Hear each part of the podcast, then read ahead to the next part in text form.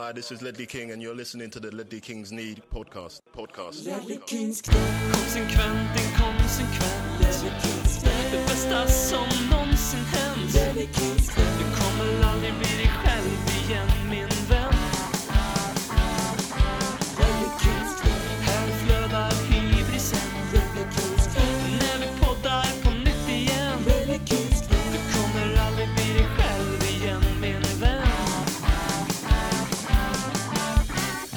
Då säger vi hjärtligt välkomna till veckans avsnitt av Ledley Kings knä, radioteatern om José Mourinhos comebackprojekt, Lika konsekvent som eh, Morgonstånd så släpper vi nya avsnitt på tisdagar nu för tiden.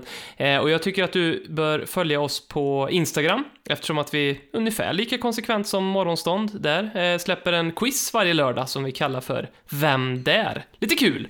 Eh, hur som helst, Robin heter jag och med mig idag har jag poddens motsvarighet till eh, Daniel Levy, Krösus Sork, smålänningen i London-exil, som eh, vaktar våra finanser, förhandlar våra löner, kravställer oss på content. Ja, ingen mindre än Robert Folin! Hur mår du? Jo tack, jo tack. Det är bra. Jag driver på som vanligt. BM har vi tydligen drivit på så hårt att han inte orkade vara med ikväll. Vi fick bara, Nej. det var sådana osammanhängande eh, bokstäver som skickades till oss. Eh, och, och sen tog väl, tog väl hans sambo telefonen och sa att ah, BM kan inte ikväll. Jag tror vi kommer ha anledning att komma tillbaka till en möjlig anledning till varför han inte är med faktiskt lite senare i den här podcasten när vi ska prata om Ledley King. Okej. Ehm, jag, som, jag, jag tror du vet vad jag Ja, ja, ja, fiskar ja, efter. vi, jo, vi, ja. vi, det blir kanske avsnittets höjdpunkt på något sätt. Ehm, vi, eh, vi ska ju prata om Ledley King. Han, är, han fyller ju 40 bast idag. Ehm, vi ska, det känns som att han inte har spelat fotboll på hur länge som helst. Och så fyller han bara 40. Det säger ju ganska mycket om hans karriär. Eh, vi ska prata om Premier League 2.0, the big picture som de kallar det, eh, och sen också vad våra spelare kommer göra efter karriären. Det här avsnittet så, eftersom att det är landslagsuppehåll nu, så eh, visste inte vi vad fan vi skulle prata om, så att vi bad eh, de drygt 120-130 eh, killarna och tjejerna i våran chattgrupp på WhatsApp, som vi kallar för eh, Lamelas vänner just nu, men också ibland för Parrots pågar, eh, att bestämma innehållet i podcasten. Så att det, det, det du lyssnar på nu är modererat, det är kurerat av Parrots pågar, eller Lamelas vänner på WhatsApp. Så ehm, kanske blir det bästa avsnittet någonsin. Och blir det det sämsta så är det ert fel. Eh, vi har ju den senaste veckan haft en lång diskussion på vår Facebook om udda favoriter. Eh, de spelare som, eh, alltså kanske inte är självklara som guldgossar, men eh, som man av någon anledning tagit till hjärtat. Eh, ett par värda att nämna är Robin Nordanlid som skriver “Han som fick mig att hålla på Tottenham, Philip Ifil, eller Ifil. Otroligt otippat. Ja, Det vill man nästan veta mer om. Uh, han var ju typ, han var ju dåtidens Kyle Walker Peters, får man ändå säga. Mm. Jag hade faktiskt honom, när jag såg den, den punkten om att prata om eh, så lite så oväntade favoriter. Jag ska inte säga att han var en favorit till mig, men jag har för mig att det var, om det kan ha varit typ Fifa 05 eller 06. Eh, då tror jag det var ett av de, de, de hade bör, körde karriärlägen som varade liksom över en säsong. Eh, och eh, där minns jag att han var en jävla talang som man satt sådär och tänkte oj, oj, oj, vad hände här? Liksom, det tog bara någon säsong så var han helt fantastisk. Men eh, ja, nej, han, han, han, han blev bara en Fifa-hjälte för mig. Han dök ju aldrig upp på riktigt. Hade dreadlocks jag för mig. Mm, jag, tar, jag vill också minnas det. Kanske därför Robin Nordanlid hade han som favorit. Vi skulle nästan vilja veta varför. Eh, det är Ja, just, just att han blev, alltså, han blev Tottenham på grund av honom med tanke på att han knappt har varit Tottenham alls. Det ju, Det kan ju vara på grund av Fifa faktiskt. ja, Ja, han var fantastisk där, eh, vill jag minnas. Jag, jag tror det var 06, jag är inte helt hundra, men jag får, får kika. När jag kommer hem till eh, Småland ska jag dra fram de gamla Fifa-spelen och se vilket det var. Just det, du flyttar ju till Småland om två veckor. Mm. Eh, från London. Coming vi, har vi anledning att återvända till? Jag tror vi får sikta på live-gods i det Folinska, eller live-gods, live-podd i det Folinska godset nere i Småland. eh, Absolut, sommaren. absolut. Eh, ett par andra värda att nämna här, Carl Nilsson, Scott Parker, eftersom att jag alltid varit svag för enkla fotbollsspelare med svarta skor. Väldigt bra, tycker jag. Nedstoppad Eh, tröja också. Verkligen. Eh, Anders Engström vill dra en lans för Nico Kranjčar. Eh, det tycker jag definitivt han kan göra. Ehm, han gillade jag verkligen. Vä väldigt många väljer också Benoit Assoy Coteau. Mm. Vem är din udda favorit? Eh, Min är nog, eh, alltså den största favoriten av dem också är ju, av de, de lite mer udda då, är nog Steve Malbranc. Han var jag väldigt svag Mm. för när han var i, i Spurs. Eh, Jag minns jag var rätt sur på Juan de Ramos också när han skeppades. För han var ju en av de fyra va, som skeppades till Sunderland. Den, hans första sommarfönster. Där Be- vi de andra? Vilka, vilka, var, an- vilka var de andra? eh, det var väl, nu ska vi se, Var det Palacios? Tainio, eh, Tainio. Tainio, Malbranc, eh, Chimbonda. Var det inte det Kabul var också? Jonas Kabul, ja, precis. Eh, Och det var Roy Keane som var tränare för Sunderland också, tror jag. ja, fy fan. Men Steed känns ändå som, Steed och Tainio känns ju väldigt mycket Roy Keane. Pascal Chimbonda, inte Mm. alls Roy Keane. Verkligen inte Roy Keane. Han kanske bara vill ha någon som han ville sätta ett exempel på så här. This is how stupid it can get. Och så Mm. buttar han in Chimbonda i en vägg. Det var kanske därför Chimbonda kom tillbaka till Tottenham sen också. vet, du vad, vet du vem du har Steve Malbranc som gemensam favoritspelare med? Vem som mer har Steve Malbranc som gemensam fotboll... Det här är superotippat. Eh, jag vet inte, Dogge Doggelito. Säkert. Som för övrigt eh, eh, ska komma till Karlstad imorgon. Eh, detta såg jag därför jag var på öppna förskolan på Tingvalla kyrkan i Karlstad. Och då satte upp post-it-lappar. Jag, jag skrattade när jag såg det här. Jag ska... Eh, Dogge the show kommer till Karlstad, Tingvalla kyrkan imorgon, tisdag 13 oktober, klockan 19.00. Och... ehm, ja... Eh, han har en cykel, ett cykelhalsband, det har han, när han posar. Ja, eh, ser du bilden? Där. Alltså, ja. alltså, Jesus. Håller ju på Tottenham, Doggy Doggy lite. Kanske är så att Steve Malbranc... Eh, eh, nej, men to Tony Blair. Tony Eh, Ja, han var på BBC Football Focus av någon anledning när han fortfarande satt som premiärminister. Eh, och det, då fick han frågan vilka tre favoritspelare han hade i Premier League där och då. Och eh, det var tre jätteotippade, jag minns två. Jag kommer inte ihåg vad den tredje var. En av dem var Steve Malbranc i alla fall, men jag tror det var när Steve Malbranc spelade i Fulham innan han gick till oss. Eh, den andra var Arjan de Syv, om du vet vem det är. Kommer ni ihåg han backen i Wiggen? Okej. Ehm, som vi faktiskt kommer att återkomma till i, igen i, i podcasten lite senare sen. Mm.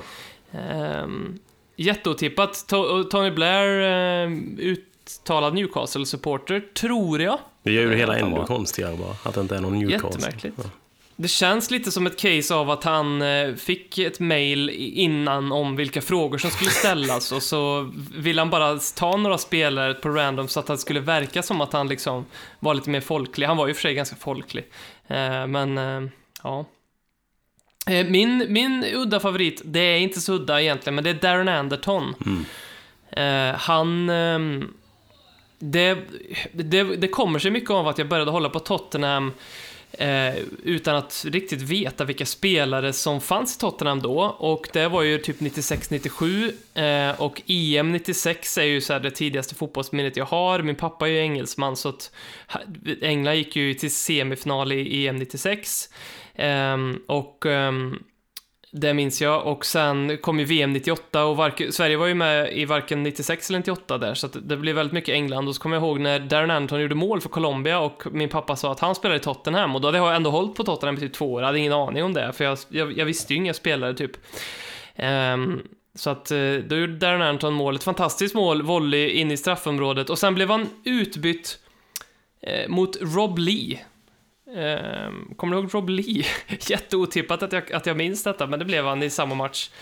Eh, Vad fan spelade gamla, Rob Lee för någonstans? eh, Gammal Newcastle-spelare för att Ah, knyta ihop säcken med Tony okej. Blair. Eh, som på, efter, efter fotbollskarriären stal en limousin som han körde runt omkring i full och som han kraschade in i en skåpbil. Det, det är vad jag har på Rob Lee. De två, att han byttes in mot Colombia och, och det. Ja. Det är ändå ganska mycket du har på Rob Lee, måste jag säga. Jag har inte ett skit Faktiskt. på Rob Lee, men nu har jag ju, och det är jag glad för. Ehm, för att, vi, vi måste prata om eh, the big picture som har slagit ner som en eh, bomb här i fotbollsengland senaste veckan. Eh, man kan ju nästan beskriva det lite som en revolution. VDn Rick Parry, han är VD för Football League, alltså ligorna under Premier League. Rick Perry. Eh, han har tillsammans med några höjdare i United och Liverpool författat ett manifest om hur man tycker att Premier League ska utvecklas vidare. Eh, och det har man också sagt till topp 6-klubbarna i samband med det att eh, hörni, om inte det här går igenom så, så uppmanar vi er att dra er ur Premier League och så ska ni ju allt få se att det här kommer att dras igen, eh, kom, komma igenom, träda i kraft eh, förr eller senare ändå.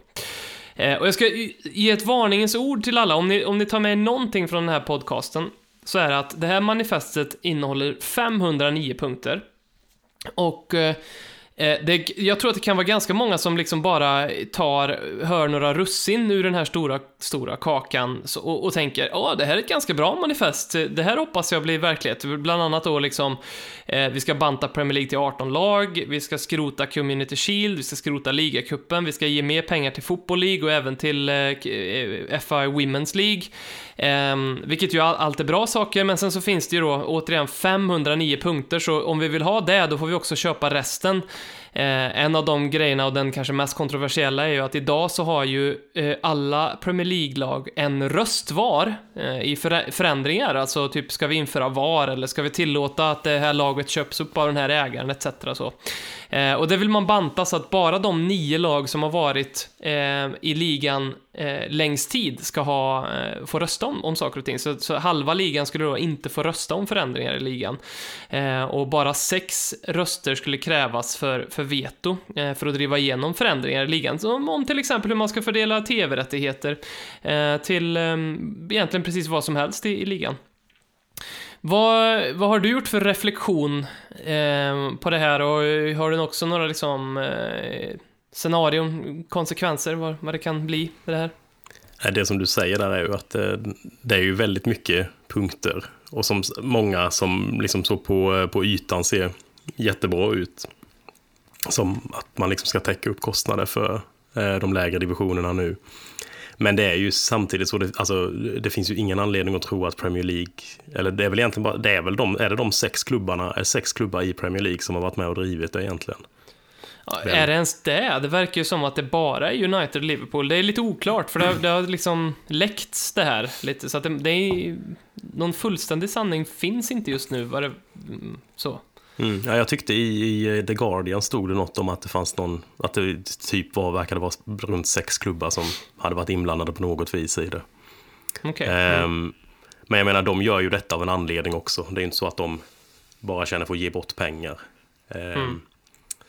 Och alltså det, det, är ju en ganska märklig grej det där att, att det i princip ska räcka med att sex av de största klubbarna bestämmer sig för en grej och sen är det det som gäller. Det är ju, mm. oavsett hur mycket andra bra grejer du har, så känns det ju som att det är ju oerhört mycket makt att ge hos några som, eh, som är faktiskt, alltså som är en sån stor del av, av ligan, alltså, som är direkt aktiva i det. det. det. fick mig att tänka lite på, vi kollade på en serie här nyligen som heter um, The English Game på Netflix, om hur eh, ja, fotbollen liksom blev, mm. började bli professionell i, i eh, Storbritannien.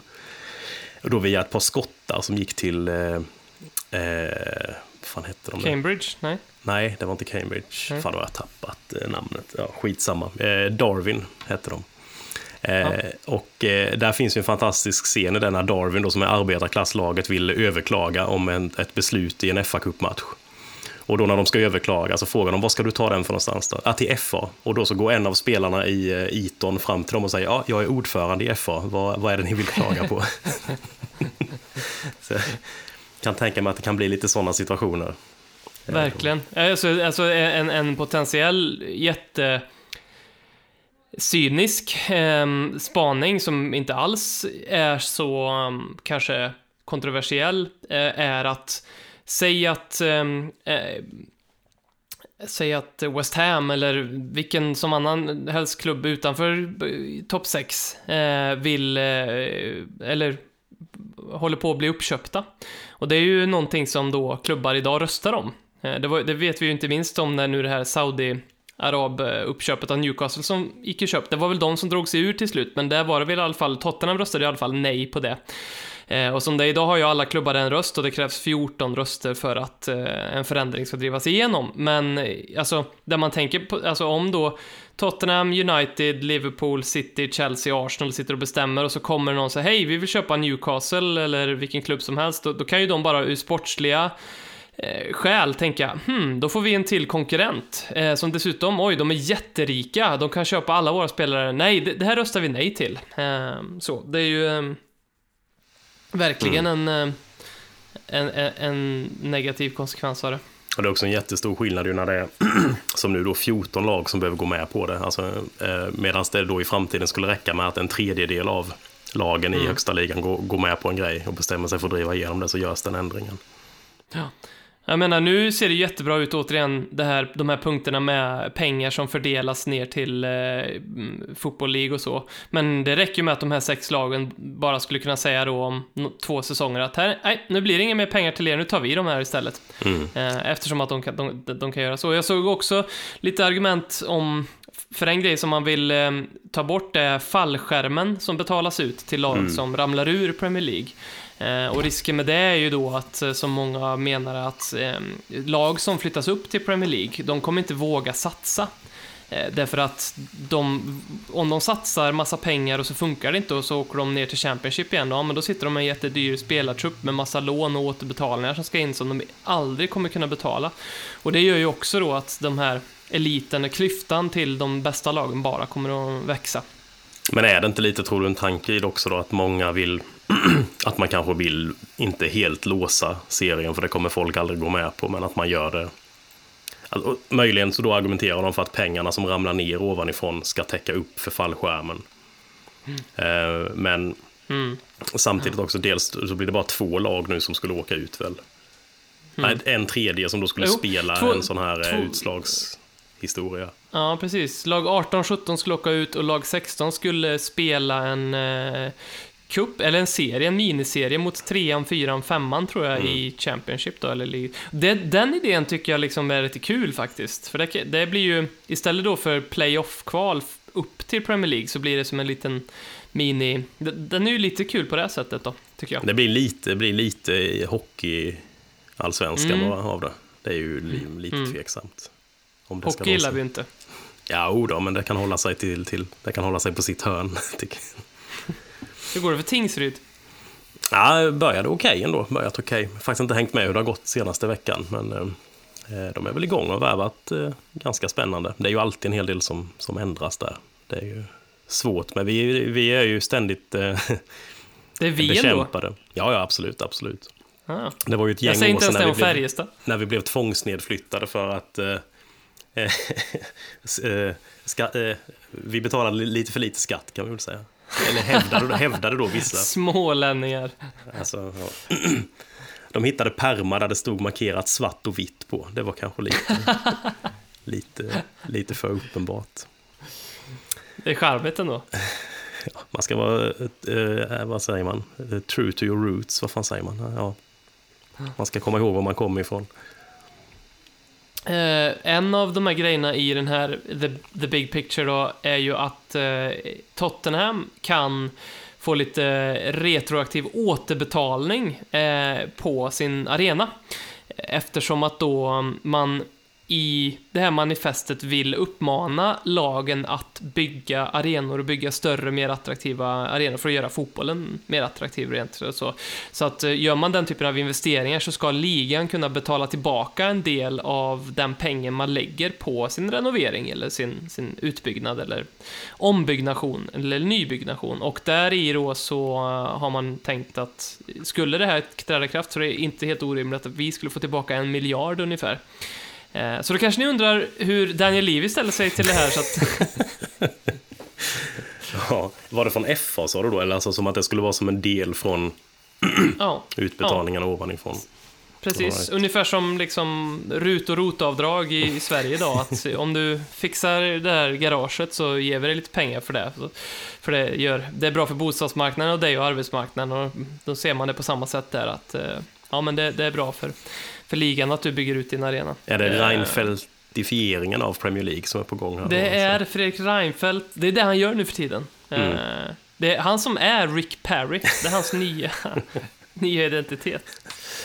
Ehm, det, det, ja, det, det var ju några lag som eh, tidigt var ute och, och West Ham tror jag och sa bara det här kommer inte vi vilja ha. Ehm, och vi är också väldigt upprörda över att vi eh, inte fick vara med i de här diskussionerna ens. Mm. Eh, Daniel Levy är säkert inte det minsta upprörd av att han inte fick vara med i diskussionerna när han fick höra att han eh, kanske hade en miljard att vänta i återbetalningar.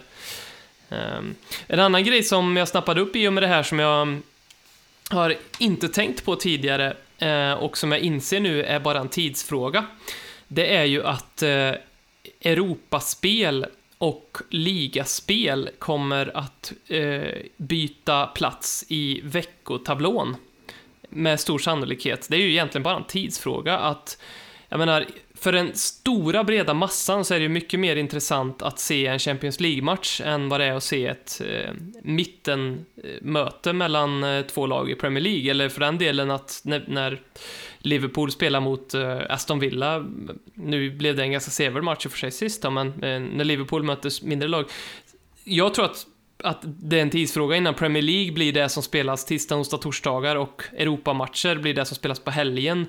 Eftersom att efterfrågan på Europamatcherna är mycket större och att man då även kan ha argumentet på att, ja men, krydda det med att vi har en betydligt större eh, tittarskara. Eh, Jag tror det fanns det något här i som, som ty, tydde på det, menar du? Eller? Ja, det, det, det, det gör det därför att ehm, det, det, man, man tycker att en av re- grejerna är att man bantar ligan från 20 till 18 lag. Då blir det färre omgångar och det är som ett incitament för att lagen skulle, ska kunna gå bättre i Europa. Då. Eh, och även att landslaget ska kunna gå bättre. Och det är då många som tolkar att, ja, okej, det man vill göra egentligen, men också att man tar bort Community Shield och, och ligacupen, det är att man vill låta de här lagen gå bättre i Europa. Och när de börjar gå bättre i Europa, ja, men då kommer de lagen vara mer intresserade av att få ännu mer tv-rättigheter från just Europaspel. Eh, och kan man flytta det till helger, eh, fredag, lördag, söndagar, då, då, kom, då kommer det som ett brev på posten. Ja, jag är Så vi får se. skeptisk. Mm. Innan vi går vidare här har vi ett eh, litet meddelande från vår sponsor. Hello, everybody. This is Johnny Coys Svensson here from the new and newly created supporter club called Tottenham Yids Hotspurs of Sweden Official Supporters Club. I just wanted to inform you now that you can uh, join uh, us. Uh, we don't have any website. You can find me on Twitter, and we will do everything like go to pubs and watch Tottenham play and swear a little bit about Daniel Levy and you know talk about the Swedish government and, and that type of stuff.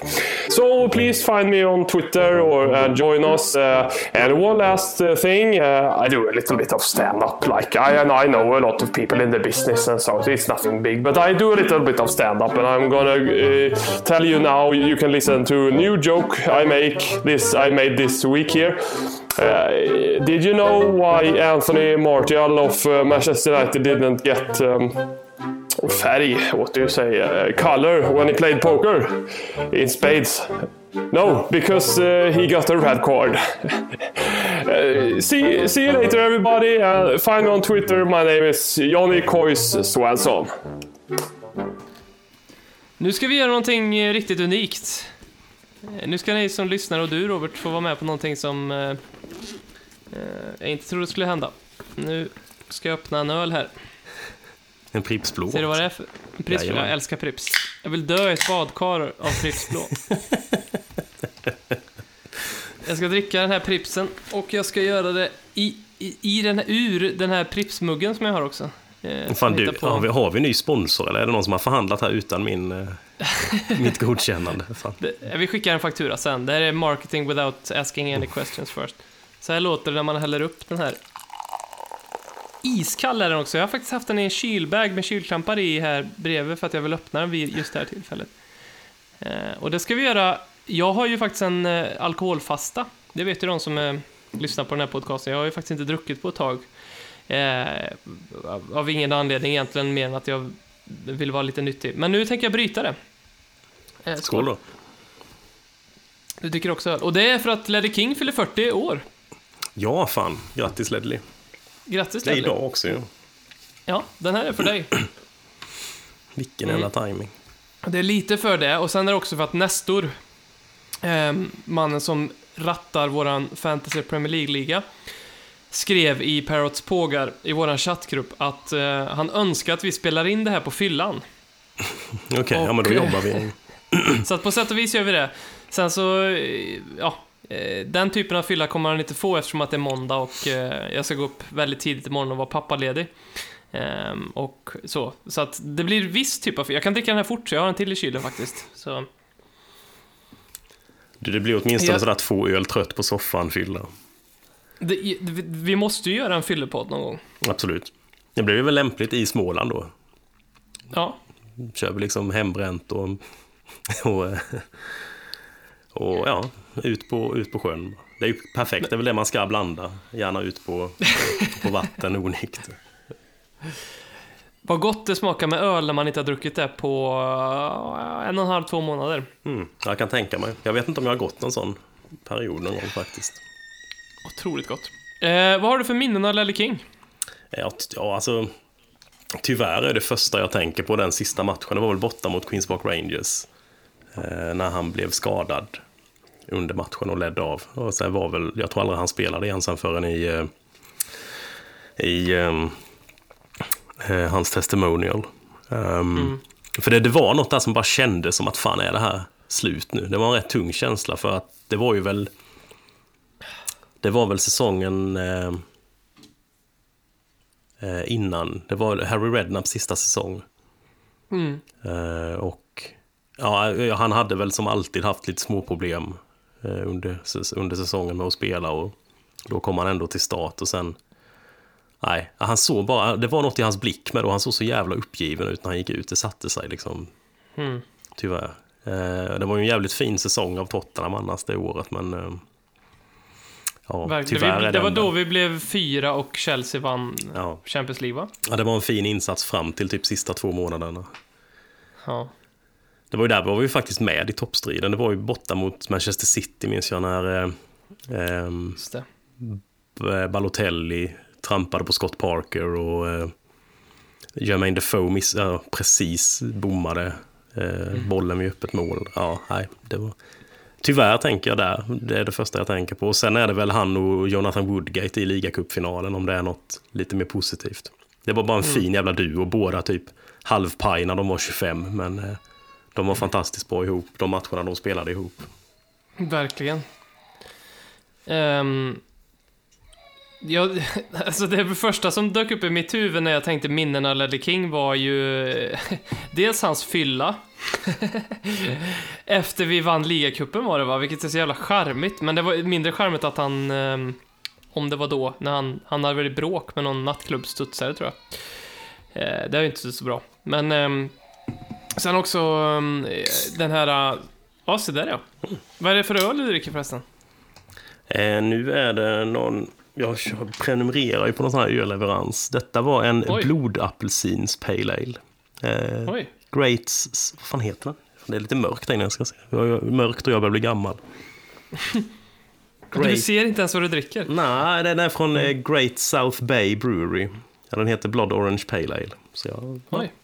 Ska testa. Jag får recensera här under. Ja, gör det, gärna det. Ehm, nej, men den andra grejen man har på Ledley King är ju hans uh, quack-quackande. eh, med Peter Crouch. Alltså Crouch skratt i den videon är ju bara ett rent liksom, är det det bästa du har Ledley-skratt? Det har ju ingenting att göra med att det är roligt. Det är, bara, alltså, det är ju roligt för att inte alls är roligt. När Peter Crouch frågar den frågan, eh, de har väl ändå spelat ihop, så Peter Crouch vet, måste ju någonstans veta att Ledley King inte har några partytrick. Eller så fiskar han efter något jätteuppenbart, typ som bara kan komma fram genom att man har spelat fotboll med honom, att så här, han kan göra något roligt med, med sin, sitt, sitt kön eller någonting, jag vet inte. Men Jag gillar att du också tänkte det. Jag satt och tänkte, nej jag ska inte säga det.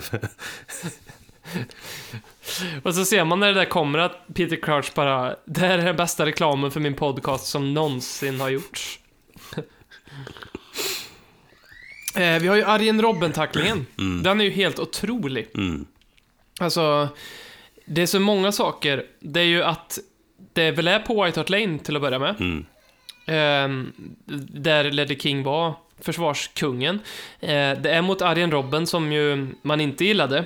Eh, och framförallt så mot Chelsea. Eh, och sen att Arjen Robben var så fruktansvärt snabb och att Ledley King utan boll då, i och för sig då, och Robben med boll, springer ikapp honom på en lång distans. Har man inte sett det här så måste man se det här YouTube-klippet, bara Ledley King, Arjen Robben.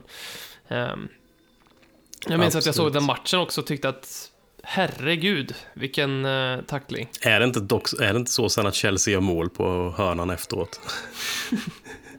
Jo, Ja. det är väl så va? Ja, jag tror det.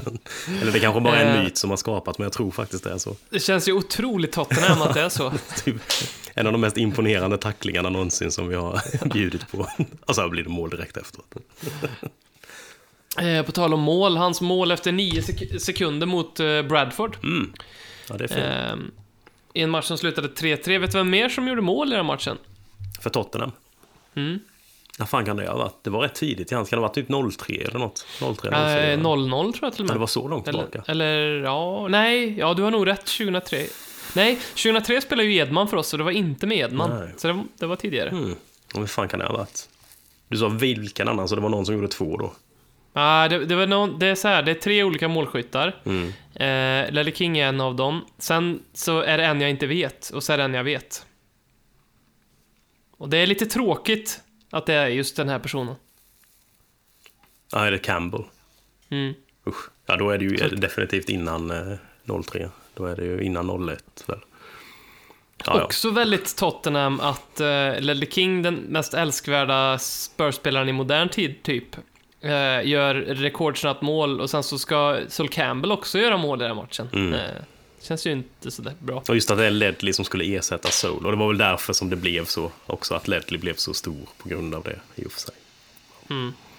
Ja, det är ju en av de bästa sakerna med han, att han var liksom den som reste sig ur Sol Campbells aska lite grann. Mm. Eh, sen har vi Tim Sherwood och Stephen Freund på mitten i matchen, eh, sådär. Eh, men men eh, trevligt. Men vi, vi har ju... Ja, det är väldigt trevligt. Li- Viss skillnad nu på innermittfältet, och då får man lov att säga. Även om Ja. Tim är ett geni. Så. Han var ganska bra som fotbollsspelare ändå, Tim Sherwood, får man Mm. säga. Ehm, men vi, ehm, vi hintade ju lite om att BM inte var med idag. Det har att göra med ett klipp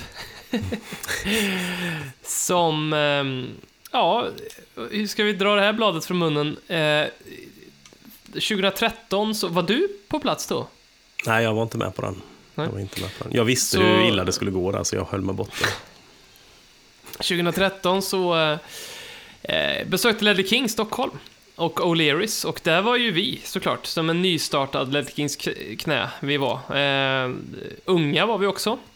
Eh, och Spurs TV som följde med gjorde ett reportage om det här, ett ganska bra reportage om, om Ledley King läser, tre, trevligt lite reportage. Det som inte är trevligt, det är ju att jag och BM är med i det här jävla klippet. Ehm, jag måste nästan, jag vet ju att du har sett det, kan inte du titta på det här klippet nu? Eh, du har ju, hittar har det i våran chatt va? Ja. Och, och, och bara liksom re reagera på vad det är du ser. Jag måste ju Jag erkänna nu då, medans, eh, för ni skickade den i, var det i, ja det var ju LKK, Whatsapp? Ja. ja. i den chatten ja. Jag började titta typ ett par sekunder och sen stängde jag av ljudet och lät det rulla utan. För det blev, men jag kan, ja, så då kan jag faktiskt, faktiskt lyssna på hela nu. Så får vi se. Ja. Kan du göra? Mm, Då, då, då lyssnar jag. Hi, I'm Robin. This is Alexander, and we're uh, we're hosts of the Swedish podcast called Lely King's Knee, Lely King's knä in, Swedish. Uh, obviously, a reference to his good knee. Alltså, just det, jag skulle säga vad jag ser också, eller? Ja. Alexander, eller Alexander som han säger i videon, står och shake, han skakar av glädje. Nu, nu signerar ju Ledley bara tröjor här åt folk. Ja, det är ett ganska kort klipp. Det är, det är ju ett klipp från när Ledley, Kings, Ledley King träffar eh, fans och, och då blir jag och BM intervjuade och det här är ju, om man ska vara helt ärlig så är det typ, det här är det pinsammaste jag sett. Fan vad jag skäms över mig själv när jag ser det här. The Bros of Ledley Kings knä. Ja, det blev direkt en snackis för att eh, jag säger någonting som jag nu, nu vill jag mena att jag säger We are the hosts of Ledley Kings knä, men, men ni vill få det till att vi säger We are the bros of Ledley Kings knä. Alltså jag hade ju älskat om det var Och det är jättetöntigt i så fall. Eh, det låter ju som någon sån här eh, Wolf of Wall Street-grej som har varit höga på, på, på oss själva. Ja, och sen så, det är ju mest du som pratar måste jag säga. Alex, Alexander får ju hålla sig i, i bakgrunden lite. Alexander. Men, eh, ja. Men sen är det klart, ni vet väl om att det är Spurs TV som är och filmar det också. Jag tänker mig. Det känns som att du, är, du är lite mer eh, van vid den, den möjliga exponeringen. Eller så har det inte kopplat riktigt hos dig. För på BM ser det ut som att han förstår att det här kan gå ut till många människor. För han ser lite smånervig ut. Mm. Han står inte still så mycket, det gör i och för sig inte du heller, men han är mer sådär o- okontrollerat ryckig. Du rycker bara åt alla håll. Det kanske är mer en del Det av din... eh, två otroligt nippriga små pojkar. Det är ju där det här klippet är. Två nippriga pojkar, det är, det. Det är så det här borde heta. Men det var ju nästan det klipp- ni var för sju år sedan måste det ju varit då ju. Ja. Så. Jag ska, när jag såg det här klippet idag, så jag var ute och gick en barnvagnspromenad och då började jag få massa, nu ska jag avslöja någonting som, jag, som vi inte har tagit upp i den här podcasten och som inte vi i Ledley knä har pratat om heller för den delen sedan det skedde. Ehm, och det här kanske jag säger nu för att jag har druckit eh, snart upp den här eh, långburken med Prips eh, och fått lite mod. Men det skedde ju en ehm, konfrontation, eller vad säger man, intervention, du vet när man samlar alla vänner eh, för, att, för att prata med någon som är, är drogberoende eh, och få dem att sluta. Heter det intervention, eller vad heter det? Ja. Eh, det skedde ju en sån i Ledley Kings knäs tidiga historia.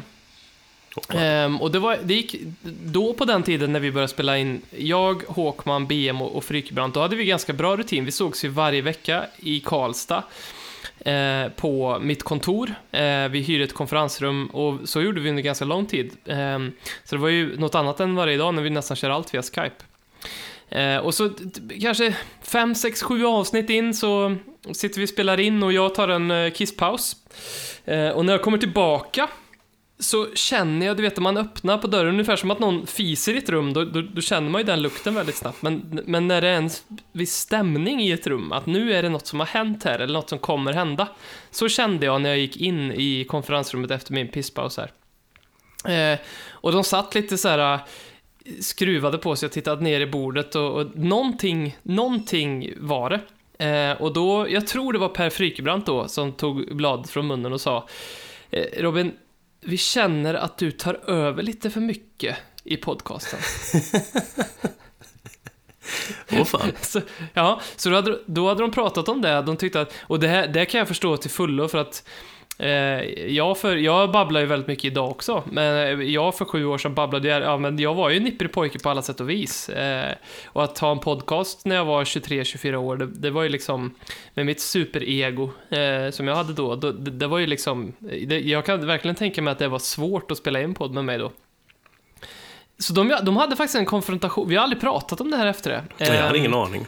Jag är väldigt glad att det skedde för att jag, jag, alltså, jag är väldigt... Det, det, det, det, ändå förståeliga som hade kunnat ske, det hade ju varit att de uteslöt mig på något annat sätt och bara körde vidare för att det hade varit för obekvämt att ta upp det. Men det gjorde de ju inte, utan de gav mig faktiskt en chans. Att dörren bara var Eh. stängd när du kom tillbaka. Ja, precis. Jag kunde inte komma in i... Mitt, mina, mina nycklar funkar inte, de var, de var borta. Ehm. Hmm. Och, och, och det var helt seriöst. Det var liksom inte så ett, ett skämt eller lite så här ledsen. Det var väldigt allvarligt. Det var liksom, nej men du pratar för mycket, du tar över för mycket. Och jag minns att jag tog det otroligt hårt. Eh, men att jag, jag, jag tyckte så mycket om era podcaster så att jag ändrade på mig. Eh, det, det ska jag fan fråga BM om, om han minns. Ja, jag hade ingen aning. Jag är helt uh, stum. Jag visste inte att vi hade haft såna, såna djupa konflikter Oh, i ja. podden. Jo, ja, oh, ja. Men nu blir det, eh, vi, vi skulle egentligen prata Lelle King. Eh, har du några mer Lelle King-minnen? Um, um, Ledley King-minnen. Fan, jag sitter bara här och tänker på den här stunden nu när du kom in och det var Det intervention. var otroligt speciellt, du vet. Mm. Man kan känna att här har de pratat om mig, eller här är det någonting nu. Så, så var det. Visst fan var det något eh, VM han var med i England, där han faktiskt fick spela en del. Ja, Svennesvig. Precis, ja, något där. Jag, men jag har för mig, det var väl ganska, de spelade väl relativt tätt och så han spelade typ två gruppspelsmatcher och sånt där tror jag. Mm. Det minns att man var jävligt stolt över då, att han faktiskt var ute och fick spela där, för det var väl... Han, han var ju en sån spelare, det, det är ju... Tottenham-fans och Thierry Henry som verkligen verkar uppskatta honom. Eh, för alltså hur jävla bra han var. Och då kände man lite stolthet över att han var ute och liksom fick visa upp sig på den. Det var han väl kanske inte fantastisk då heller, för det var väl, ja, han hade ju skadeproblem hela karriären i princip. Men jag minns att man var glad och lite stolt över att han fick vara ute och, och spela på den nivån. Och att han faktiskt var frisk då tillräckligt, även om det bara var kanske en, två matcher så fick han ändå vara med. Vad har Thierry Henry sagt om Lelle King? Han har väl sagt någonting om att eh, det var en av de svåraste försvararna han har mött. För att han var en av de få som, han behövde inte ta till oschystheter för att vara liksom bättre än Henri, utan han, han var liksom jobbig nog bara genom att vara bra, inte genom att sparka på honom eller liksom ta till tjuvknep, ungefär. Mm. ungefär. Jag slogs av en sak, för att jag var ju tidig ut i den här podcasten med att um säga när Lelle King blev assisterande till José, eller vad han nu är, typ med i tränarstaben, att vad, vad fan har han där att göra? Vad, vad vet han ens? Eh, och vad fan har jag att göra och döma det? Eh, det kan vi väl prata om någon annan gång. Men, men ehm, nu inser jag ju att Lelle King var ju en jävligt smart försvarare, för det som han styrka var, var ju in, han, han hade ju en bra fysik, men han var ju inte snabbast. Men hans positionsspel, koncentrationsförmåga och eh, förmåga att läsa spelet. De två, de två egentligen viktigaste egenskaperna hos en bra mittback är ju koncentration och förmåga att eh, förstå spelet liksom. Och det var ju han jättebra på. Eh, och idag såg jag ett klipp, det var, ett, ett, det var ett klipp som eh, Tottenham Hotspur eh, langade ut på social media med Bailey i, tillbaka i träning på Hotspur Way och så. Eh, och då såg man i en snabb sek- sekvens att Lelle King agerade försvarare eh, när typ Vinicius eller någon eh, skulle anfalla. Eh, och då inser jag att det är faktiskt jävligt värdefullt att ha han där, för om det är någon som verkligen kan berätta hur det är att möta jobbiga anfallare i Premier League, då är det ju Ledley King. Och om han kan överföra det på våra anfallare så är ju det jävligt bra. Eh, och dessutom, han är ju gärna en öppen bok för våra anfallsspelare på det sättet att han så här tänker man som mittback. När du gör den här typen av rörelselöpningar, eh, när, när spelet ser ut så här, då, då tänker man så här. Eh, Så jag, jag skulle vilja backa på det. Jag tror att faktiskt att han är, jäv, han är jävligt nyttig att ha där nu. Och, och, och inte bara då den här kopplingen har till klubben givetvis då. Nej, det finns väl och sen också säkert flera vis som tränare man kan vara nyttig på. Jag tänker många, det, så är man väl själv också. Det jag tänker på först är, okej, är det här en person som är duktig på att förmedla vad du ska göra? Alltså man tänker kanske mer på den pedagogiska biten. Och då kanske man inte nödvändigtvis tänker på att Ledley är perfekt på det. Det kanske han är, men han kanske inte riktigt, för han, han kändes väl också lite som den typen av säger man då utan att egentligen veta någonting alls, men det har man väl fått lite indikationer på att han var den tysta ledaren som ledde liksom via exempel och genom att bara vara fantastiskt bra. Det säger väl Erik Edman i, i den podden han gjorde, som du och han gjorde, att vi var bara så mycket bättre när han spelade, för det var bara liksom, man följde med på vad han ville göra och så blev det bra. Men, men det som du säger, att han, han har erfarenheterna och då, dels har han det av och vad ska du tänka på? Eh, alltså väldigt konkret, vad tänkte jag på som spelare? Men också att ha gått igenom all den här skiten med skador och liksom mentala biten måste han ju, även om det till slut tog slut så kommer han ju ändå igen hela tiden. Eh, så där erfarenhetsmässigt där så borde det ju finnas mycket. Man får hoppas det. Det är ju fint att han är där, men jag håller med dig. Jag var också lite sådär fundersam på om det, hur bra det kan bli. Man har lite svårt att se honom som liksom manager någon gång i framtiden.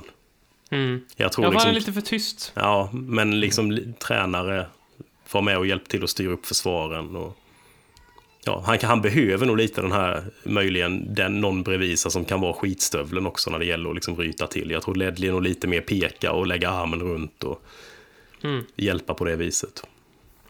Inte så mycket intelligent kant där kanske. Verkligen inte.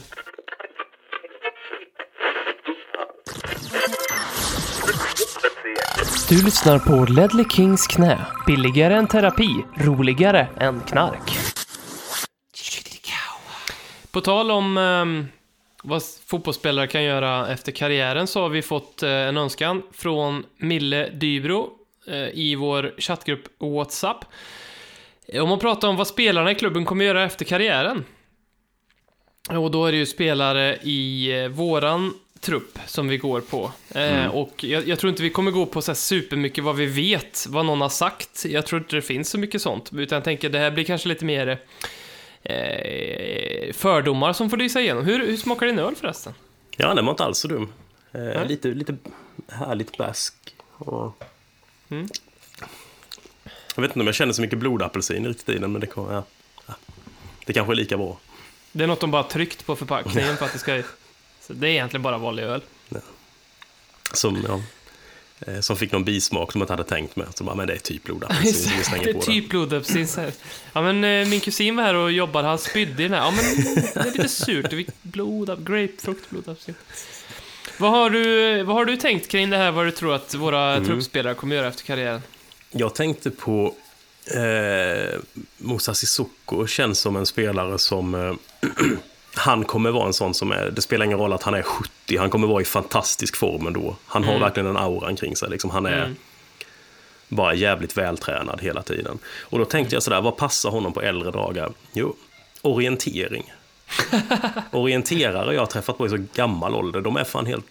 Liksom, de kan vara 65-70 eh, och vara i jävla kanonform. Så jag tror Verkligen eh, Musa Sissoko kommer dyka upp på typ O-ringen i Eslöv, och- eller vad fan de är och springer. Jag vet inte, vad Jönköping kanske de är. Jag vet inte, jag bara gissar ställen. När man har kontorsjobb som jag har och, och, och du också har, eh, och särskilt i Sverige, för orientering är ju först och främst en grej i Sverige. Och jag tror väl till och med att orientering är väl ett svenskt exportord. Säger man inte orientering i England?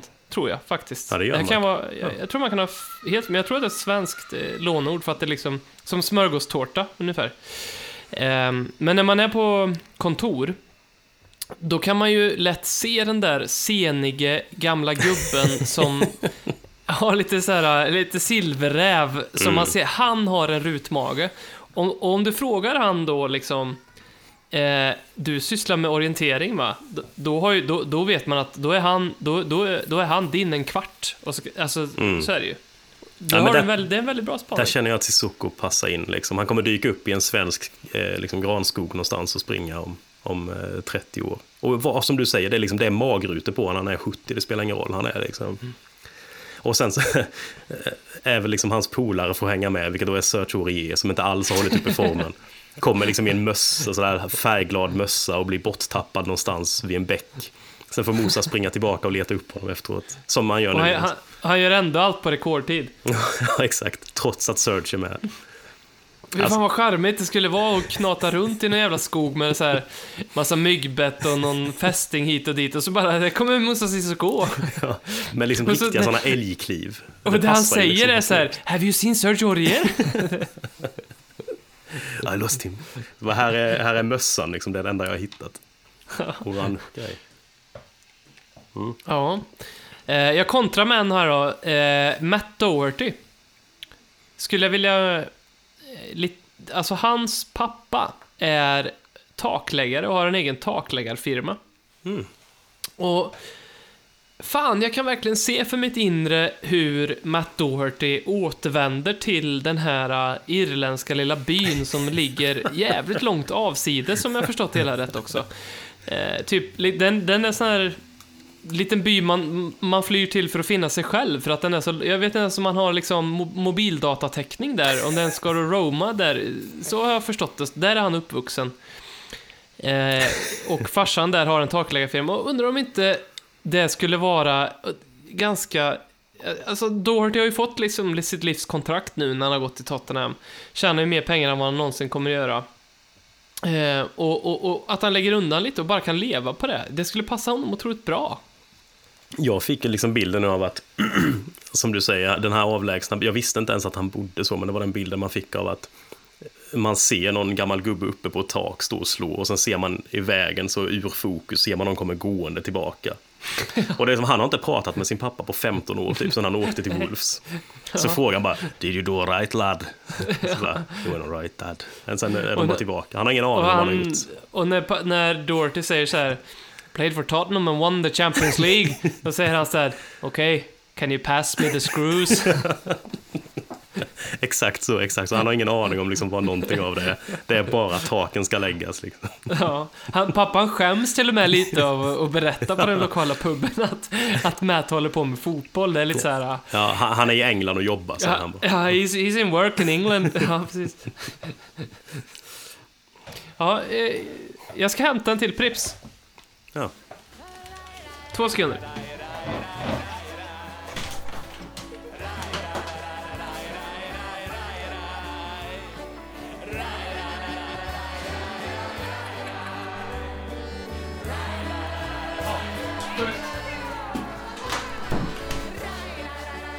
Fan vad man tycker om, Förlåt? vad, vad man tycker om eh, Doherty ännu mer nu. Ja, Alltså verkligen. bara för att det kommer bli så. Det passar ju perfekt. Eh, vad har du mer? Eh, ja, då tänkte jag att eh, eh, lite så raka motsatsen än Moussa Sissoko som håller sig liksom fit hela livet. Så tänker jag att Lo Celso har lite ändå så här en rejäl ölkagge-vibb. Mm. Och jag tänker, alltså jag fick bara för mig, alltså argentinare, de är ju jävligt duktiga på sitt kött. Om han liksom ger sig in i någon sån antingen restaurangbransch eller bara att han hänger på stranden liksom och, och bara grillar. Alltså bara, han, han kan jag tänka mig liksom dyka upp i ett par i ett par badbrallor, rejäl ölkagge, mustasch. Och sen så bara njuta av livet. Alltså det är ju svårt, det är ju inget yrke eller någonting, men det, det, det är det jag ser framför mig för honom. Jag vet inte om, om, jag är, om det är någon annan som håller med, men jag känner han har lite den vibben att där kan det släppa sen. Det inte känns det kom- inte som att han kommer ha så mycket med fotboll att göra när han slutar med fotboll. Nej, Jag tror han skiter i det. Och då tror jag kött är jävligt bekvämt. Mm. Eh, ja, och han kommer vara jävligt, jävligt hård att förhandla med. Mm. Eller så kommer han hitta någon så här, bara lite sidekick som, eller, som man bara kan åka och förhandla det här åt mig nu. Eh, Ja, jag tror det här- nästan han lite nöjer sig med bara att få vara och grilla och, och, och dricka vin. Mm. Tänker jag. Men kan kan möjligen så att han har massa restauranger men han skiter i lite hur de går. Det är, bara, det är lite för sakens skull. Någon sa att jag borde ha det liksom för att tjäna lite pengar på. Investera det jag har tjänat. Men han vill bara hänga och, och bara äta jävligt gott kött. Har du sett bilden på Lo Celso? Lo Celso med sin eh, respektive när hon är gravid och de har tagit ett foto och de ser ut som samma person. Vet du vilket jag menar? Ja, jo, jag vet. Eh, Jag har för mig att du delade den någon gång. Jag antog Alltså- bara att det var en... eh, Alltså är det på riktigt? Jag, jag, jag antog bara att det var Ja. liksom fejkat. Vi måste lägga ut den bilden. Eh, jag ska försöka komma ihåg det när eh, vi lägger ut det. Alltså det är, det är... Jag har tittat på fler bilder på Lo Celso och hans fru eller sambo eller flickvän vad det är och, och de är inte jättelika. Eh, men det är någonting med den, just den, alltså just den bilden. Eh, och det, här- det är ju på hans, eh, hans Instagram. Alltså det är, för jag minns det när du la upp den här bilden och jag, jag tänkte så bara, vad fan håller han på med? Det är ju uppenbart att den är fejkad. Så den är inte det alltså. Nej, det är inte, alltså det ser på, alltså det ser verkligen ut som han bara har gjort en sån här Snapchat-filtergrej, att han har bytt sitt ansikte på sin tjej och alltså, det ser, det ser helt sjukt ut. Ja, det gör det verkligen. Jag ska, om ni... Då kanske man får omvärdera ehm, vad han kommer göra efter eh, karriären. Eh, ja. Ja. Eller så bara är liksom sloganen för hans kött så här, Giovanni Lo Celso, the man who married himself. Ehm, jag ska lägga ut den här bilden på något sätt, eh, så leta på, på våra sociala medier. Jag har tänkt lite på Eric Dyer. Ehm, och ehm, jag har tänkt att han håller ju på då med två saker förutom fotboll, eller tre saker nu förutom fotboll. Den ena, det lärde vi oss av Amazon-dokumentären, han lärt sig plantera växter. Eh, den andra grejen är att han har startat en app, eh, som ju är en form av, ja, vad ska vi kalla det? Ehm, Tripadvisor egentligen är vad det är, fast bara för eh, restauranger. Restauranger. Ja, betyg på, på restauranger. Eh, vi får fråga Fanny igen, hon hade ju tankat ner den. Eh, den där jag känner som har gjort det. Och eh, sen så har han ju också börjat plugga igen. Eller igen, han pluggar vid sidan av fotbollen. Eh, på inrådan av Ben Davis. Ja, såklart. Eh, och, och då tänker jag, han är lite mångsysslare, så att jag tror att Eric Dyer kommer bli en affärsängel efter fotbollskarriären. Han kommer bli en sån som ser till nu att spara mycket pengar, så att han kan investera en slant hit och dit i olika typer av startups som han besöker och sätter sitt namn på och sen så här, Eric Dyer was here today, wow! Och så blir hela personalen supermotiverad i tre dagar och gör ett jättebra jobb. Typ sådana där grejer. Eh, men, och, men baksidan av det kommer ju vara att han typ har typ 17 företag som han har investerat i och lovat massa saker och sen så kommer han inte orka hålla på med det. Eh, så att det kommer bli problem för han sen. Men det kan jag se Eric Dyer göra. Ja, möjligen. Jag tänker Eric Dyer möjligen som eh, parlament, parlamentariker för eh, Libdems. Mm. Det känns som han är helt inne på... Han är en Libdem, tror jag. Mm. Det skulle jag vara. Och lib, libdem, vad, vad ska man översätta det till? Alltså, ja, typ... Eh, ja, det är väl någon slags... Liberalerna, kanske? Ja, någon slags mm, Liberalerna, Centerpartiet, kombo. Ja, inte alls. Eller Centerpartiet har ju för sig fortfarande någon slags appeal till vissa bönder, så det är väl, utesluter väl i och för sig helt Libdems. Så ja, fo- Folkpartiet, typ. eller Liberalerna. Mm. Ja. Har du något mer? Ehm, nej, det var, jag satt och funderade på om någon skulle kunna bli skådespelare. Det är Winnie Jones, Eric Cantona-movet. Eh, mm. Det är ju intressant att du säger det, för att i veckan så har ju... ehm, hur ska jag säga, minns det här rätt? Jo, Stellar Group eh, blivit uppköpta av ett företag som heter ICM. Och vad innebär det då? Jo, Stellar Group är ju ett av de största, om inte det största faktiskt tror jag, agent agentfirmorna i eh, fotbollsvärlden. Som ju ägs av Jonathan Barnett som är eh, personlig eh, Mm. agent åt Gareth Bale. Och Ben Davis också tror jag. Eh, och Stellar Group, eh, de har jättemånga fotbollsspelare. Jag tror att nu när England spelar mot Wales så tror jag att typ sju av elva i Wales startelva var från Stellar Group. Eh, men de har mycket mer därtill. Eh, Stellar Group har blivit uppköpta av ett amerikanskt medieimperium nu i dagarna. Eh, och teorin då som många har är att man ska utnyttja fotbollsspelarnas stjärnstatus även efter karriären så att de kan få en, få en eh, väg in i media. Eh, som, som kan vara vad som helst. Det kan vara skådespeleri, det kan vara ja, morgonsoffor, böcker, tv-serier, dokumentärer, vad som helst, men bara knyta de banden till det är det man tror eh, det är där man tror, och då, fick, när jag läste den här artikeln, det var på Athletic tror jag, då, då tänkte jag att det är nog inte jättelång tid tills vi har den första fotbollsspelaren som använder sin fotbollskarriär som ett mål att typ bli, vad vet jag, så här, när vänner äntligen ska göra en reunion-säsong, att han ska bli den eh, åttonde karaktären eller eh, så, alltså att, att de Mm. lägger skorna på hyllan i en tidig ålder för att de vill satsa på media. De vill ha lite peaktid kvar liksom i mediebranschen efteråt. Ja, men precis. Att fotbolls... Jag, såg, jag twittrade om det. Kylian Mbappé gjorde en sån här nu som det är lite trendigt att göra på Twitter, how, how it started, how it's going. Han hade en bild på sig själv när han var ganska ung och sen så how it's going, ja att han har varit omslagspojke på Fifa 2020.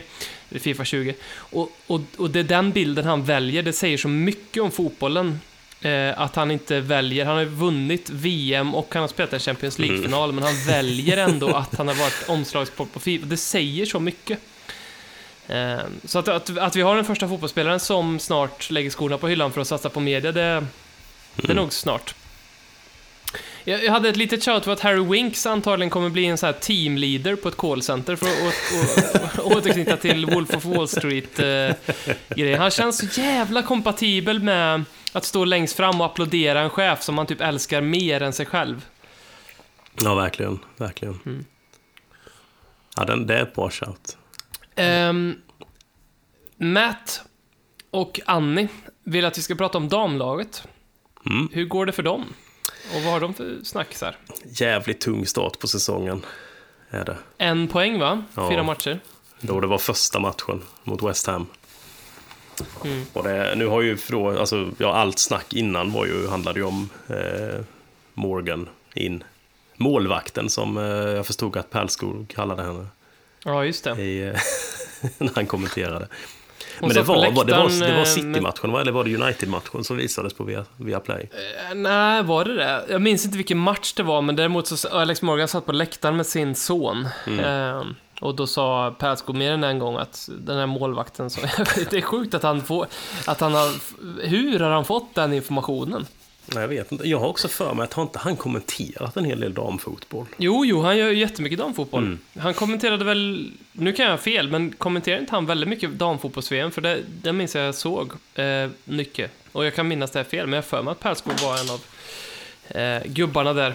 Men det säger ju, alltså visst, det är ju bara liksom väldigt förlåtligt tycker jag att han säger fel. Det, det, det, det, det, vill jag inte dra en grej om, men däremot att det säger ju väldigt mycket om att damfotbollen borde få mer uppmärksamhet. Och det känner väl vi också. Eh, för jag menar, eh, vi fick den här frågan om att prata om damlaget och ska jag vara helt ärlig så, så mycket har jag inte att säga. Jag önskar verkligen att jag hade mer att säga.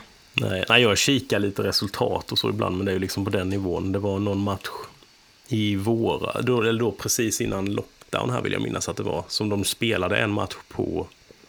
Det var nog mot Arsenal, tror jag. Att de spelade den på Tottenham. Stadium. Med rekordpublik. Ja, det var väl, jag kommer inte ihåg hur mycket, om det var en 30-40 tusen eller något sånt där. Jo, Kanske jag tar i lite, men jag vill minnas att det var något sånt.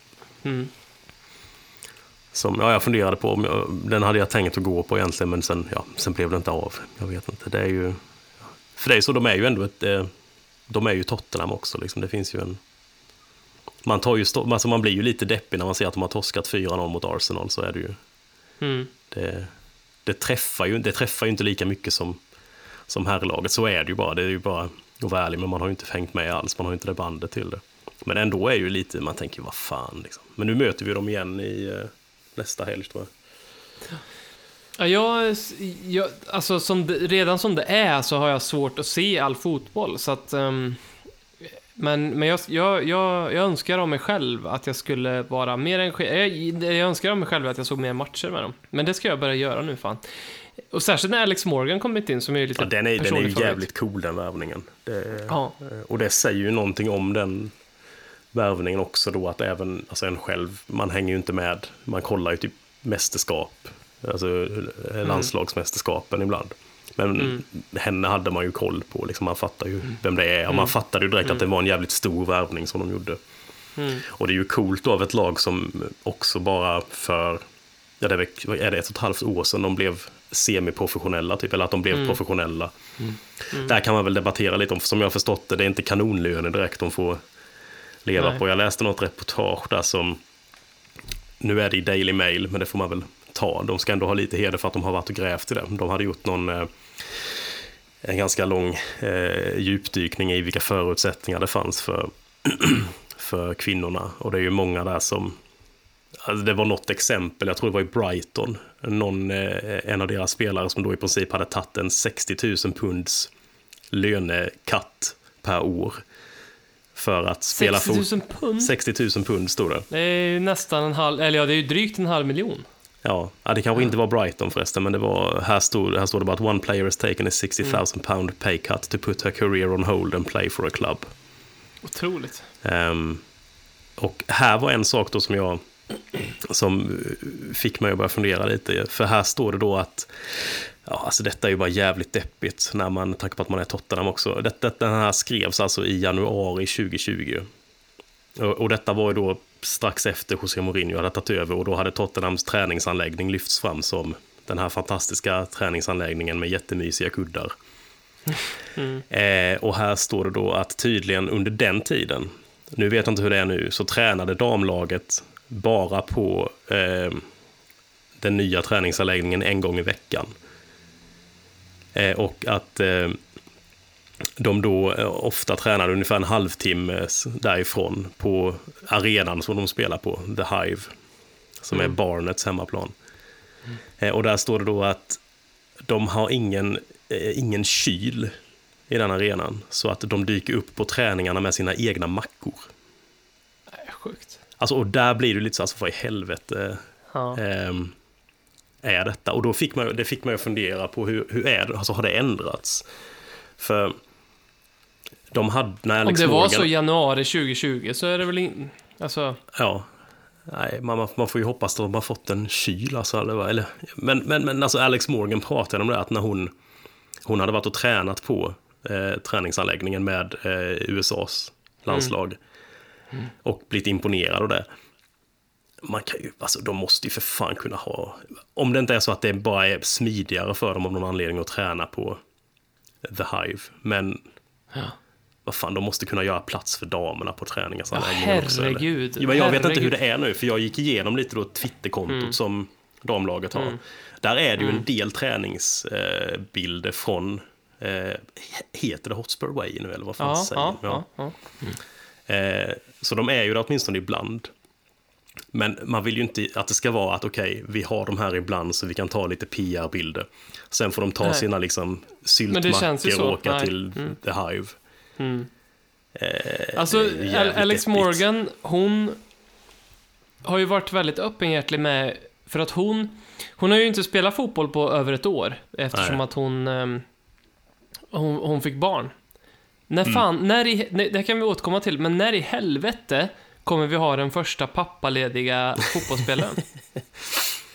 Det kanske är Ben Davis som skulle det, men han har Ja, väl redan. Alltså, det, här kan jag gå igång på. Eh, vi kan ta det sen. Men eh, hon, var ju, hon har ju varit mammaledig och varit gravid och så, här, så hon har inte kunnat spela fotboll. Uppenbara skäl. Och ehm, hon kände ju sen då att, som många gör när man är mm, mamma och pappalediga, även när man har vanliga kontorsjobb som oss, eh, att fan, jag ska nog göra något annat, så kände ju hon. Eh, så på, på söndag kväll sa hon till sin man att fan, om inte jag ska göra något annat. Och tisdag så hade hon ett kontrakt från Tottenham som hon flögs över för att skriva på. och då kan jag liksom, ja, det är ju inte Daniel Levy som skriver det kontraktet, inte en Steve Hitchen, jag vet inte vem det är som skriver det, men jag kan ju liksom se att den personen säger att okej Alex, bring your own sandwiches. Alltså, Ja, herregud. Ja, men tänk Alltså- sådär, hon, hon, hon dyker upp ute vid Hotspur Way. Ja. Och där bara, va? nej, nej, nej, nej, du ska till barnet. Bara, Jo, du tar med en macka förresten, liksom vad fan. Så får du inte vara bara. Nej. Men jag vet inte om det är så nu, men Nej. eh, man hoppas ju att de kan göra plats. Alltså den enda möjliga ursäkten för att det inte skulle vara så är då att damlaget blev professionellt efter den här, alltså att det var Mm, nybyggt, men då får man väl fixa någon plats liksom, det kan ju inte vara. Ja, det tycker jag verkligen.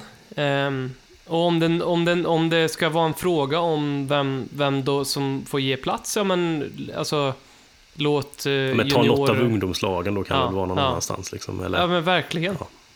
Verkligen. Nej. Men det här är ju, för att återknyta lite till eh, The Big... ehm, vad hette den nu? the Big... eh, the Big The big Picture. thing, ja, the big picture. Så är ju en, faktiskt en av de sakerna där i eh, att man ska ge mer pengar, att just Premier League då ska generera mer pengar där det, som ska vara öronmärkta för damfotbollen. Ehm, så, vilket, alltså, om man ska vara cynisk så är, är det ju för att de ser en möjlighet att tjäna pengar på den. Ehm, och, och så. Men, men, men för sporten kan ju faktiskt det vara en väldigt bra sak. Mm. Eh, och särskilt när man, när man hör det här. Men när Ja. får vi den första fotbollsspelaren som är pappaledig? Alltså, jag, eh, jag tänker på... Jag, jag vet ärligt talat inte exakt hur det är att vara professionell fotbollsspelare, hur jävla många timmar man är borta från sitt... Det kanske är jättebekvämt, man kanske är borta från sitt hem tre fyra timmar om dagen. Jag, jag vet inte. Men hur, alltså... Det är väl inte så orimligt att säga att nej, men nu vill jag ha liksom sex månader när jag inte spelar fotboll och hemma med min dotter. För, det, för den tiden kommer aldrig att komma tillbaka. Och man, man tänker väldigt snabbt liksom att jo, jo, men de tjänar så mycket och de har såna fina förutsättningar och med nannies och allting så här. Ja, men jo, jo, men att knyta an till sitt barn, att vara föräldraledig bara liksom. Ja, nej, här i Storbritannien är det nog ett tag till i alla fall, tills det kommer ske. Ja, verkligen. Ja, herregud. Eh, med tanke på att du är knappt, du är ju, du är ju typ inte pappaledig här. Eh, även om, alltså, Nej. oavsett vad du jobbar med. Eh, men eh, hur fan var det i Sverige? Var Bush Thor ledig något? För hade inte de barn när Ebba var eh, Ja, just det. partiledare? Jag vet, det, här, är- det här kan jag inte faktiskt. Det får vi, det får vi titta upp. Mm. Men ja, nej, här känns det ganska, ganska långt borta. Jag vill göra en shoutout till Lucia Leon, som på tal om liksom, eh, eh, vad man kan göra efter karriären, eh, flyttade till London från Madrid. Tog med sig familjen. Hon är högerback i, och han kan spela vänsterback också, men hon är högerback i Tottenham. Med tröja nummer två. Ehm, hon pluggar också på heltid. ehm, utöver då att vara professionell fotbollsspelare. ehm, för att kunna ha någonting efter karriären. Och, det, och det, det, alltså det övergår mitt förstånd varför fotboll, professionella herrar nu då ska hålla på med att köpa 18 lyxbilar och åka till Ibiza och sådana saker på sin fritid. Och varför de inte pluggar där, alltså, istället. Det, det, det förstår jag, för de har ju världens möjlighet att få, med de pengarna de har, eh, en väldigt bra utbildning eh, på, på så många sätt och vis. Det, det finns för några, det är också en sån här grej att få gräva mer i vilka det är som har gjort det, för det finns ju en del fotbollsspelare som har gjort det. Ehm, Frank Lampard. ehm, Men är inte det bara någon uppspelad grej att han typ läste en Jo, bok en gång på en buss och sen började alla, alla typ Ja. tycka att han var en intellektuell. Nej, Ja. jag är tvek på att han har gjort det. Även om de hävdade så, nej. Men det måste ben finnas Davis är ju superspik, det vet vi ju också Ja, att ja. han är. Mm. någon. Men, det, men detta är något, jag ska försöka hitta något mer om det här med Ehm. damlaget, alltså vad fan de tränar nu, för det känns som en... eh, Ja, du kan ju åka dit, tycker jag. Alltså, du är ju... I och med att du bor... Nu har du två veckor kvar. och innan du flyttar hem, eller så. Ska Så- bara åka till The Hive varje dag och se om de dyker upp där. Du måste ta en selfie med Alex Morgan. Det är ett uppdrag som du får här och nu. Eh, du måste göra det. För så långt är det väl inte att åka för dig? Nej, alltså det är ut, någonstans åt Wembley-håll till tror jag det ligger. Mm. Men nej, jag ska, ska undersöka. Jag lovade i början av podden när vi pratade om Tony Blair att jag skulle återkomma till Ariane de Syv. Eh, som jag inte har jättemycket på, mer än att jag minns han som en mittback i Wigan. Jag för mig att han var... Att han hade riktigt dåligt hårfäste redan då när han spelade fotboll. Eh, men det kan vara fel. Jag, jag minns han, men jag minns inte om han hade dåligt hårfäste. Det har inte med saken att göra. Men vi pratar ju om eh, vad, de, vad spelare gör efter karriären. Vet du vad Ariane de Syv gör idag? Ingen aning. Hur ska du kunna ha det? Jag kan inte belasta det. Nu, nu är det som i When We Were Kings, om du har lyssnat på det. När Erik Jag är- Niva jag ställer helt, omöj, ja, helt omöjliga frågor till Håkan. Ehm, men inte Desyv, ihåg och glömde det. ehm, det har blivit en väldigt rolig gimmick i den podcasten faktiskt. Men um, Ariane Desyv är eh, privat, eh, nej inte privat, utan han är eh, krimtekniker. Ehm, det är lite coolt. Jag tror till och med att han avslutade sin karriär i förtid för att satsa på att bli krimtekniker. så inte, inte pappaledig och inte mediapersonlighet, men krimtekniker. Exakt. Eh, vi har några frågor kvar. Eh, och den ena kommer då från eh, Hugo Stenmark om Joe Rodon. Vem är det? Ingen aning. Det är han backen i West Bromwich har jag hört talas om. Swansea. På, mitt, på min FM-save så spelar han för typ, vad fan var det han var? Crystal Palace tror jag eller någonting. Skitsamma. Nej då. Och där har han inte kommit så långt heller. För jag spelar i Championship så att han... Vad är han för typ av spelare? Minns du? Nej, nej jag har ingen aning. Alltså jag har inte hand om honom, jag har bara mött honom en gång. Okej. Han var semibra. Ja, vad ska vi säga om han? Han är vänster inner mittback. Eh, och det är någonting vi vill ha. Vi får se om vi värvar han innan den 16 oktober när eh, fönstret stänger. För är det då att, att Football League har öppet tills dess? Så att de får göra dealer ut? Alltså hur, hur kommer det Jag sig att du kan jag, köpa? jag, jag tror det går åt båda håll faktiskt, att Premier League och Championship får göra värvningar fram och tillbaka till 16 oktober. Ja, Okej, okej. Och, och, och Joe Rodon ska då vara den spelare som...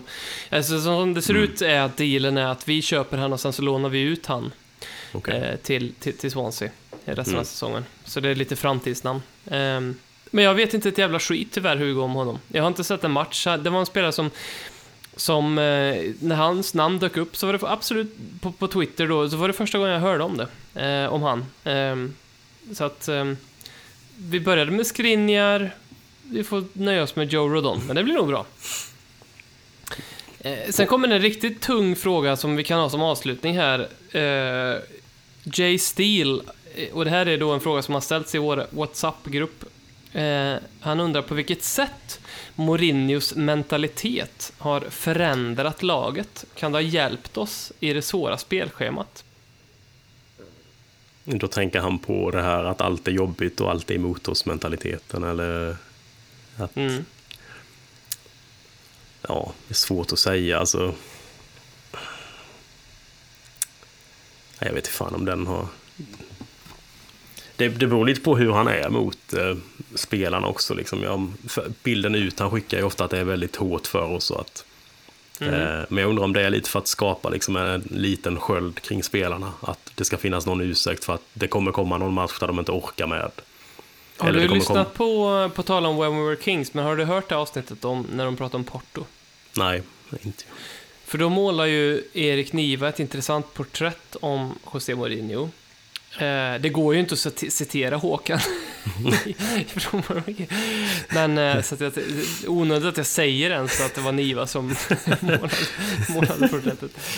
Men eh, ja, eh, han målar ett intressant porträtt av Mourinho som för, för ända sedan barnsben så har ju då Mourinhos familj eh, utsatts för eh, väldigt mycket otur på, egentligen eh, på grund eh, på etablissemangets beordran. Eh, man har haft företag, jag minns inte exakta detaljer här men man har haft stora företag som har drivit och så har etablissemangen på, på ett eller annat sätt sett till att det är stängt ner.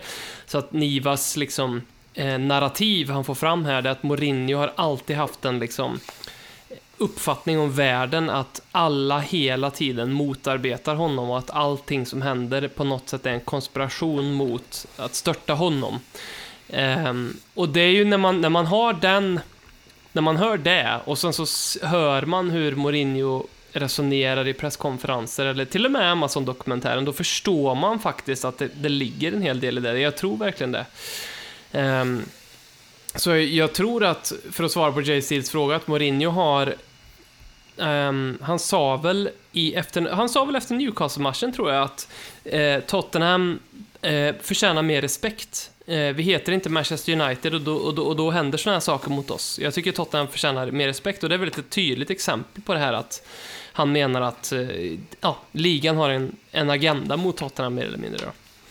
Ehm, och hur det, det, jag tror att en sån sak, om jag ska vara helt ärlig, kan påverka spelarna ganska bra på kort sikt, men på lång sikt när de börjar se, se igenom det, eller när, när det börjar bli, gå till ännu mer extremer, så är det nog dåligt. Eh, och det är nog också därför Mourinho är ganska kortlivad i sina Mm. sessioner och s- så.